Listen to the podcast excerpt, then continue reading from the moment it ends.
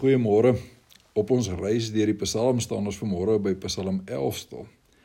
Nou Psalm 11 is eintlik streng gesproke nie 'n gebed nie, maar 'n geloofsbelijdenis waarin Dawid wat hierdie Psalm geskryf het, sy vertroue op God bevestig.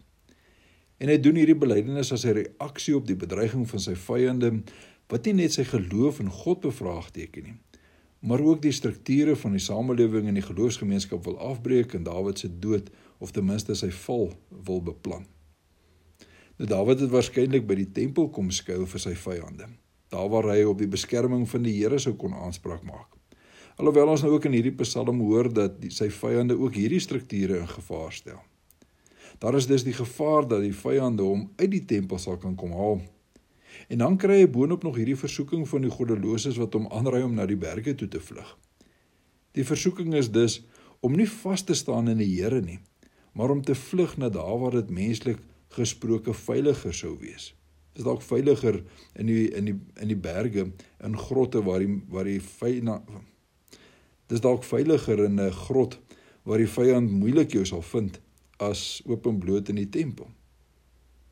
Dit vat dus besonderse moedige optrede. Dit vat dus 'n besonderse moedige optrede van Dawid om nie terug te duins en en en te nee, kom ons dit net daar. Dit neem dus 'n besonderse moedige optrede van Dawid om nie terug te duins en te vlug omdat dit menslik gesproke veiliger in die berge sou wees as in die tempel nie. Wat vir Dawid moed gee om in die tempel te bly skuil is twee fundamentele sake. Een, die Here is in sy tempel. Dis nie maar net Dawid wat hier is nie, dis ook die Here. Dis die gedagte wat die vlam van hoop in hom aansteek. Maar ook twee, God is op sy troon in die hemel. Die God van die liturgie wat ander met aan. God is op sy troon in die hemel. Die God van die liturgie, met ander woorde die God van die tempel, is ook die God van die wêreld. Hy sit op sy troon in die hemel.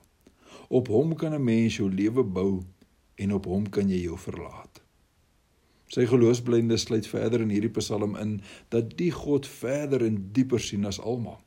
Hy onderskei tussen die goddeloses en die regverdiges deurdat hy hulle albei toets, soos wat 'n mens met taal deur vuur sou suiwer. En die gevolg of die uitkoms van sy toetsing verander sy houding teenoor die goddeloses. Want letterlik staan daar in die 5de vers: Sy siel haat die wat geweld liefhet. Ja, sy teenwoordigheid verskroei die goddeloses as ware so Sodom en Gomorra. Maar ervaar die regverdige sy liefde. Want hoor hoe duidelik bely dit in vers 7. Hy sê die Here is regverdig.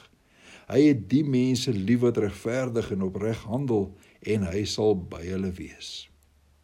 Nou ons sou dalk vanoggend kon vra, waarheen vlug jy in tye van krisisse? Want ons het mos nie meer 'n tempel soos in Dawid se dae waarheen ons sou kon vlug nie. Nou die goeie nuus vanoggend is ons hoef ook nie. Want sê Paulus nie vir ons in 1 Korintiërs 3 vers 16 ons is nou die tempel van God deurdat die gees van God in ons woon nie.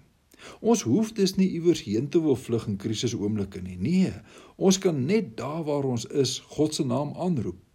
En ons kan weet hy wat in sy tempel is, is ook op sy troon in die hemel.